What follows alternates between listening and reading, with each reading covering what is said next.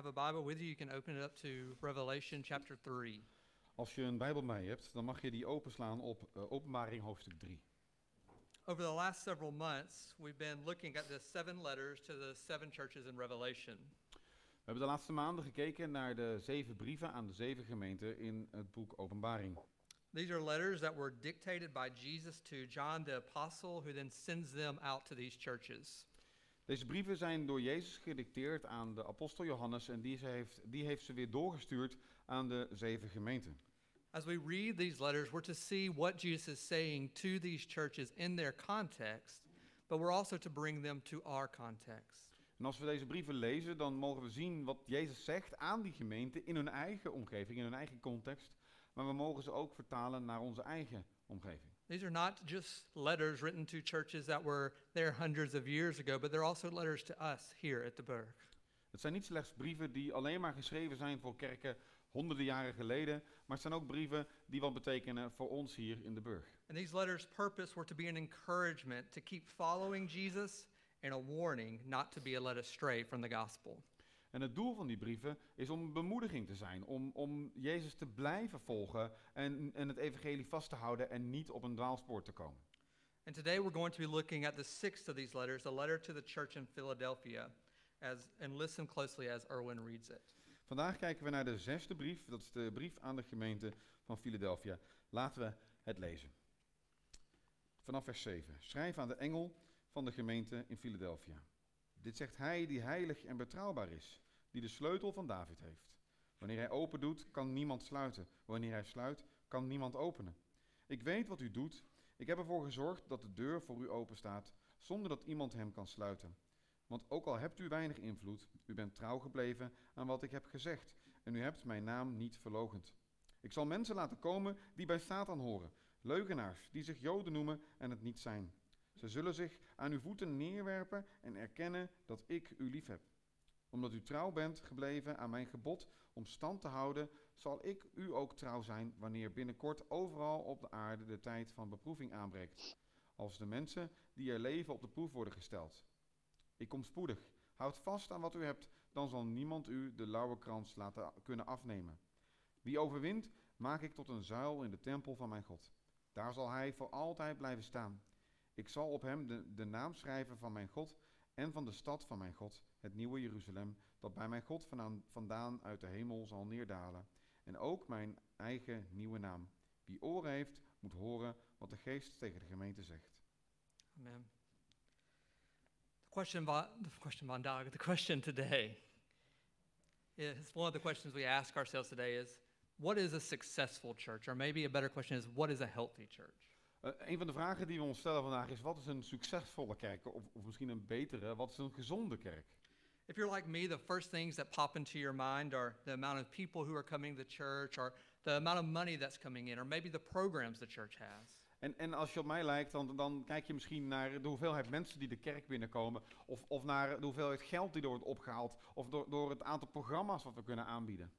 Well, all these things are good things and things that we want in our church. We want people to come to church. We want people to give. We want to serve the people in our church. This is not how God measures health. Uh, dit is allemaal goede dingen. We willen dat mensen de kerk inkomen. We willen dat mensen geven. We willen mensen kunnen dienen met programma's.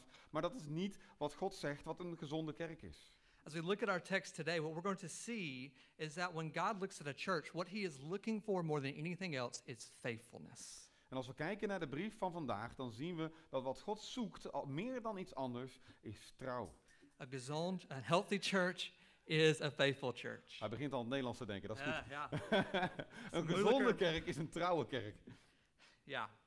And the church in Philadelphia, as we look a little bit about it, was the smallest of the churches that received a letter in Revelation. En als we naar de kerk in Philadelphia kijken, dan zien we dat dat de kleinste kerk is ah, van de zeven kerken die worden aangeschreven in openbaring. It was the church with the least amount of influence and probably the church with the least amount of money.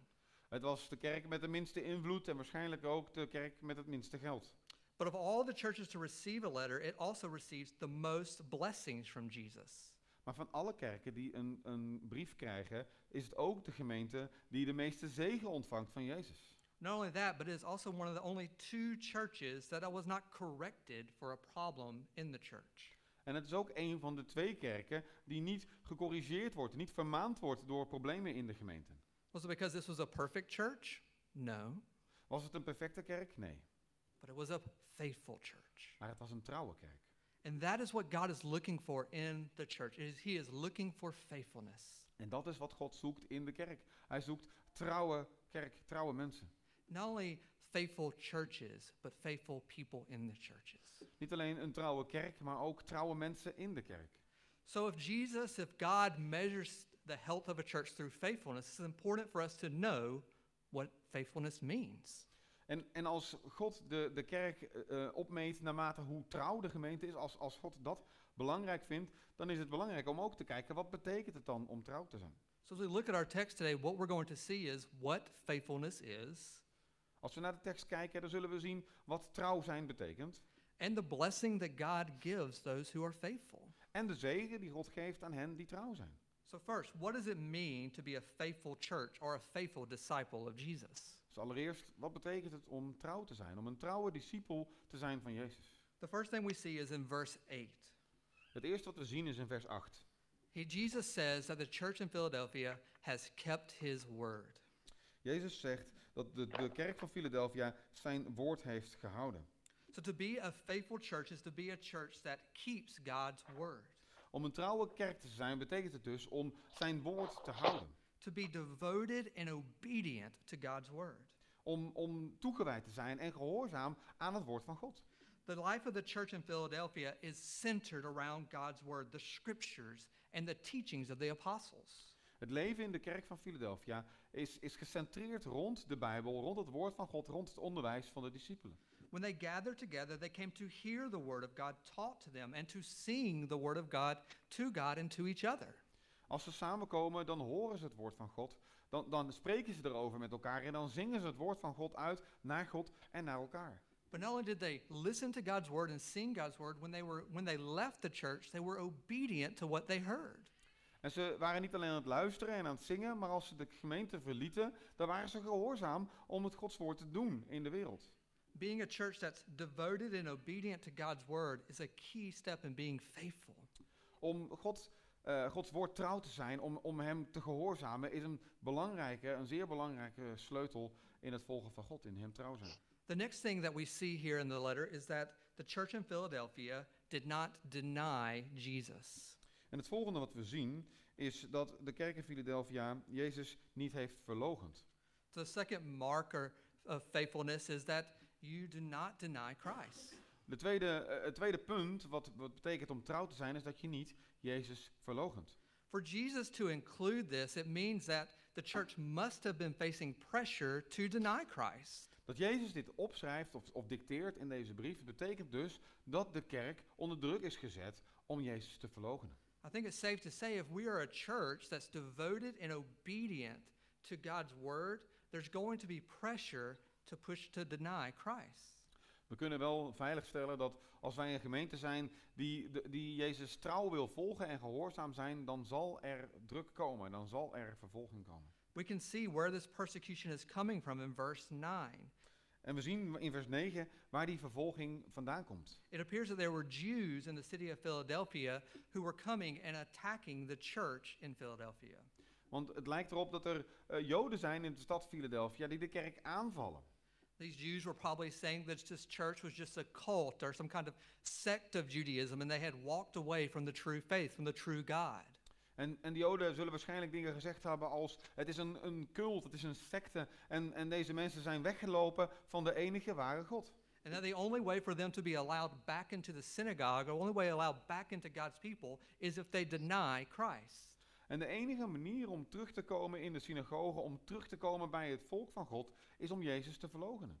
So the Jewish believers in this church were facing pressure from their own family and friends to deny Christ. Dus de Joodse gelovigen in deze kerk, die, die hadden te maken met vervolging en, en druk vanuit hun eigen familie om Jezus te verloochenen.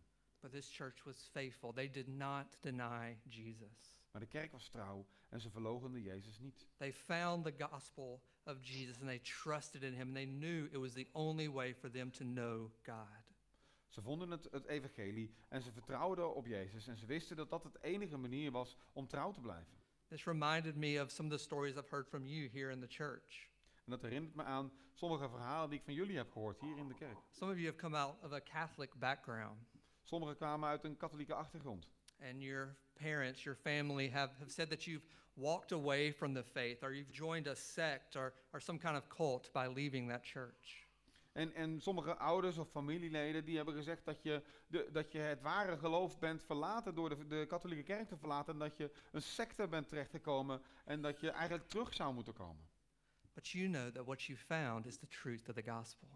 Maar jij weet dat wat jij vond is de waarheid van het evangelie. And you know that you found that Jesus has done everything that's needed to save you. En je weet dat wat jij vond dat Jezus het enige is wat je nodig hebt om je te redden. And rather than to deny Christ, you have held closely to him. En in plaats van Jezus te verloochenen, heb je er meer aan vastgehouden. But for others of us, maybe it's hard for us to identify with this pressure to deny Christ. Maar voor anderen is het misschien moeilijk om je te identificeren met die druk om Jezus te verloochenen. As I was thinking about this, that, that's true for myself, that I haven't felt real pressure to deny Christ. Want als ik daarover nadenk, en, en vooral als ik het op mezelf betrek, dan heb ik nooit die druk gevoeld om Jezus te verloochenen. But I have felt pressure to hide Christ. Maar ik heb wel de druk gevoeld om Jezus te verbergen. And I think maybe that's something that we experience more in our culture is a pressure not to deny Christ, but to hide Christ. En, en dat is een druk waarvan ik denk dat we dat steeds meer zullen ervaren. Niet om Jezus te verloochenen, maar om hem te verbergen. That in our lives, that Jesus is something that is private and that should be kept within the door, the walls of the church and our homes, and shouldn't have influence on our work or the way we look at the other things in the world.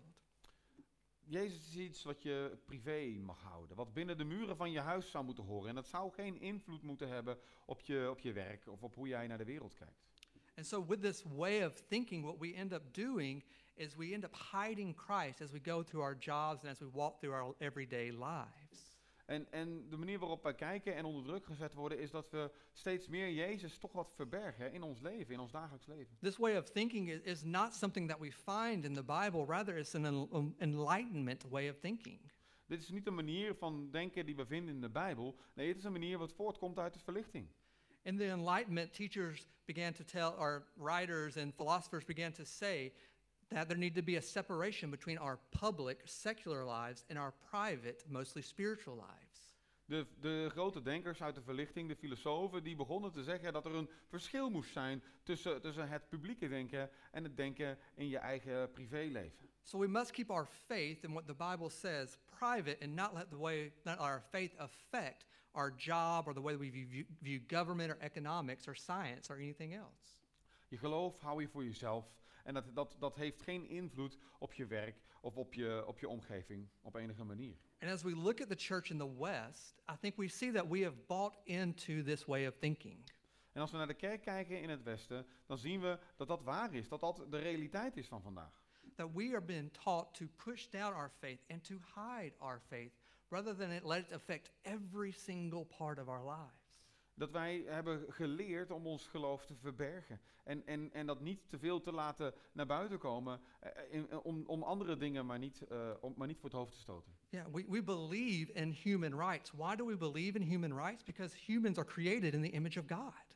We geloven in mensenrechten. Waarom? Omdat mensen zijn geschapen naar het beeld van God.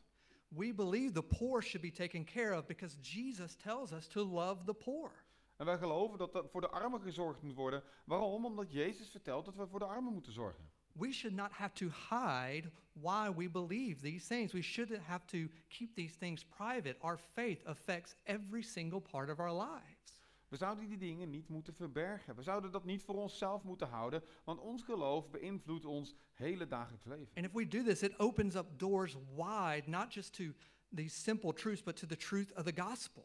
En als we dat doen, dan, dan opent dat een deur, niet, niet een uh, wa- wijdgewijd open, niet alleen voor de waarheid, maar voor de waarheid van het evangelie. Just think about human rights. Our culture is crazy about human rights right now in all kinds of different ways. Denk even aan de mensenrechten. Onze maatschappij is, is, is daar heel veel mee bezig. Niet alleen, ehm, sorry, last part I missed. you too. I moved on. It's crazy for human rights Yeah. and, and protecting human rights. Eh, Denk daar even aan, aan, aan mensenrechten en dat we dat daar, daarvoor moeten staan, dat we dat moeten waarborgen. Yeah. But if we come at the world through an evolutionary worldview, Maar als we naar de wereld kijken vanuit een evolutionary, een evolution, evolutiedenker, laat ik het zo even zeggen, yeah, then you have then our culture has we have no basis for there being human rights. Als we denken vanuit de evolutie dat alles vanzelf is ontstaan, dan is er geen basis voor mensenrechten.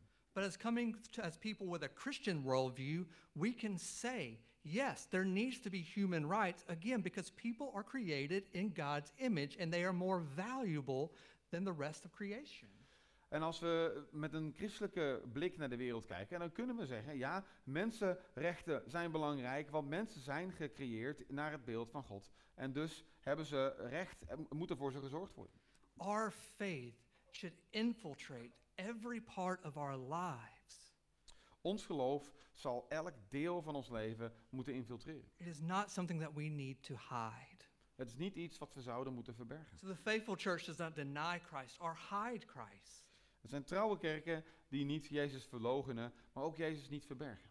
The, the third characteristic we see of a faithful church or a faithful disciple is patient endurance. En, en een derde karakteristiek die we zien is, is het geduldig volhouden. We see that in verse 10. We zien dat in vers 10.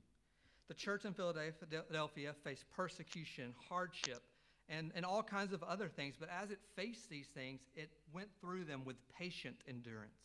De kerk in Philadelphia had te maken met verdrukking, en met on- eh, onderdrukking, met, met, met vervolging. Maar als ze daar doorheen gingen en ze vasthielden aan het evangelie, dan werden ze zwaar op de proef gesteld, maar ze hielden vast. And then there's an important nuance here with this Greek word. It's not just that they endured, but it's that they endured patiently.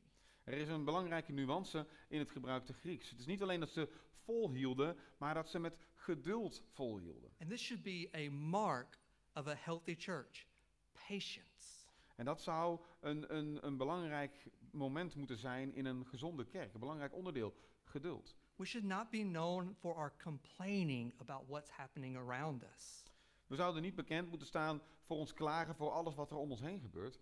but patient endurance for whatever comes. Maar geduldig volharden eh, en volhouden wat er ook komt. Because we know that our God is the King of the universe. Want wij weten, onze God is de koning van het universum. So, what does it mean to be a faithful church? What are some characteristics of a faithful church? Wat betekent het om een trouwe kerk te zijn? Wat zijn karakteristieken daarvan? A church, a faithful church, a, a healthy church is devoted and obedient to God's word. Een gezonde kerk is trouw en toegewijd aan Gods woord. It doesn't deny Christ and it endures patiently through whatever comes. En, en het verloochent Christus niet en het houdt geduldig vol wat er ook komt. But how do we do that? Maar hoe doen we dat? How do we do that as a church? How do we do live these things out in our personal life? Hoe doen we dat? Hoe leven we die dingen uit in ons persoonlijk leven? The church in Philadelphia was not found faithful because of the, its willpower, its strength, or the strength of its faith. De, de, de kerk van Philadelphia was niet succesvol doordat ze zo'n sterke wil hadden of door een grote geloof. Rather, it was the object of their faith that gave them the strength to be faithful. Maar juist het object van hun geloof gaf ze de kracht om sterk en trouw te zijn. That is why the inter- how Jesus introduces himself in verse 7 is so important. Daarom is het belangrijk hoe Jezus zich introduceert in vers 7. Jesus is describing himself, the object of their faith. Jezus beschrijft zichzelf als het object van hun geloof. Van hun He is the Holy One. Hij is de heilige. To be holy is to be set apart, is to be different from everything else, is to be pure. Heilig zijn is apart gezet, is, is anders dan de rest, is om puur zijn. As we look through the Bible, as we talk about people who are holy, holiness always points us to God. So, in saying this, Jesus is saying that I am God. En, en als we naar de Bijbel kijken, naar mensen die heilig zijn, heiligheid, dat, dat, dat richt ons altijd naar God. Dus Jezus zegt hier eigenlijk, ik ben God. Then he says that I am the true one. En ik ben betrouwbaar. Jesus is really who he said he is. Jezus is echt wie hij zegt dat hij is. He is the Messiah. He is the Savior, the one who came to forgive us of our sins. Hij is de Messias. Hij is de redder. Hij is degene die kwam om ons van onze zonde te verlossen. We can trust everything that Jesus said to be true. Wij kunnen erop vertrouwen dat alles wat Jezus zegt waar is. The third thing he says there about himself is that he is the one who has the key of David. En het derde ding wat Jezus zegt is dat hij de sleutel van David heeft. Now, in saying that he has the key of David, Jesus is pointing back to a story in Isaiah. En als Jezus zegt dat hij de sleutel van David heeft, dan wijst hij naar een verhaal in Jezaja. In this story, God commands that the key to the palace of David be given to this man named Elicum. En, en in dat verhaal komt, eh, d- wordt de sleutel van David gegeven aan Elokam. And this meant this giving of the key meant that Elicum was in charge of who had access to the king. En, en Elokam, doordat hij de sleutel van David had, had hij de, de, de toegang tot de koning en kon hij beslissen wie er bij de koning kon komen. So if he thought you were worthy of seeing the king, he let you in. Dus als hij dacht dat jij waardig genoeg was om de koning te ontmoeten, dan liet hij je binnen. But if he didn't, you didn't see the king. Maar als je niet waardig genoeg was, dan kwam je er niet in. And Jesus is saying here is that he's the one with the key of David. Jesus is the one who has the key to God's kingdom. En, en Jezus zegt hier, ik heb de sleutel van David. Ik heb de sleutel van het koninkrijk van God. It is only through Jesus that we can know God. En het is alleen door Jezus dat wij God kunnen leren It kennen. is only through him that we can have forgiveness of our sins. En het is alleen maar door Hem dat wij vergeving van zonde kunnen hebben. It's only through Jesus that we are a part of God's people. En het is alleen maar door Jezus dat wij deel mogen zijn van Gods volk. So, how do we live faithfully? How did the church in Philadelphia live faithfully? Hoe, hoe leven we trouw? Hoe zijn we trouw? Hoe was de kerk in Philadelphia trouw? They looked to Jesus. Ze keken naar Jezus. They looked to the Holy One, the true one, the one with the key of salvation. Ze keken naar de heilige, de betrouwbare, hij die de sleutel van de redding heeft. And if we're going to be a faithful church, if we're going to be faithful disciples, then we have to keep our eyes on Jesus daily. En als wij trouwe discipelen van Jezus willen zijn, dan moeten we onze blik dagelijks naar Jezus richten. When we face rejection by others, we must remember that we are accepted by the King of the universe. Als wij afwijzing ervaren door anderen, dan moeten we ons realiseren dat we geaccepteerd zijn door de koning van het universum. When we are tempted to sin, we must remember that Christ has set us free from the power of sin. En als we verleid worden van zon, naar, eh, om zonde te doen, dan moeten we ons bedenken dat Jezus ons heeft bevrijd van de kracht en de macht van de zonde. When we fail, which we all do, we must remember that there is nothing we can do to make Jesus love us less. En als we falen, wat we allemaal wel doen, dan moeten we ons herinneren dat, er, dat we niets kunnen doen waardoor Jezus minder van ons houdt. And finally, when we face death and suffering, En als we dood en een lijden treffen, we must remember that Jesus has risen from the dead and that we will join him in resurrection. dan moeten we ons herinneren dat Jezus is opgestaan uit de dood en dat wij Hem daarin zullen meegaan met Hem, dat wij ook zullen opstaan. We must keep our eyes on Jesus. We moeten onze blik richten op Jezus. And if you're here this morning and you're searching, Als je hier bent en je bent op zoek, if you're searching for what's good, what's true, if you're looking for God, als je hier, hier bent en je bent op zoek en je bent op zoek naar, naar wie God is, you're searching for truth or for what's good, en je zoekt naar de waarheid en wat goed is, then look to Jesus. kijk naar Jezus. In Jesus, you find goodness, you find truth, you find God. In Jezus vind je goedheid, vind je waarheid en je vindt God. And finally, let's look at these blessings that the church receives for being faithful quickly. Laten we tot slot nog snel kijken naar de zegen die de kerk eh, ontvangt voor het trouw zijn. First is an open door in verse 8. In vers 8 is het als eerste een open deur. This open door represents salvation, a relationship with God, access to God. En, en die open deur, dat staat voor de toegang tot God. Dat, dat staat voor redding. But it also is an open door for opportunity, Maar ook een open deur voor mogelijkheden. an opportunity to be used by God in His kingdom. Een, een, een open deur, een mogelijkheid om gebruikt te worden door God in zijn koninkrijk. The first blessing of faithfulness is being used by God to bring other people to God. En de eerste zegen die gegeven wordt, is dat, dat, God, dat God gebruikt om je bij Hem te brengen, zodat jij ook weer anderen bij God kunt brengen. The second in verse 9 is, is vindication, En, to be seen that, is right, that they're right. En ja, precies. En vers 9 is, is het, het, het tweede is dat je eh, erkenning krijgt voor, eh, eh, voor dat je het goed had.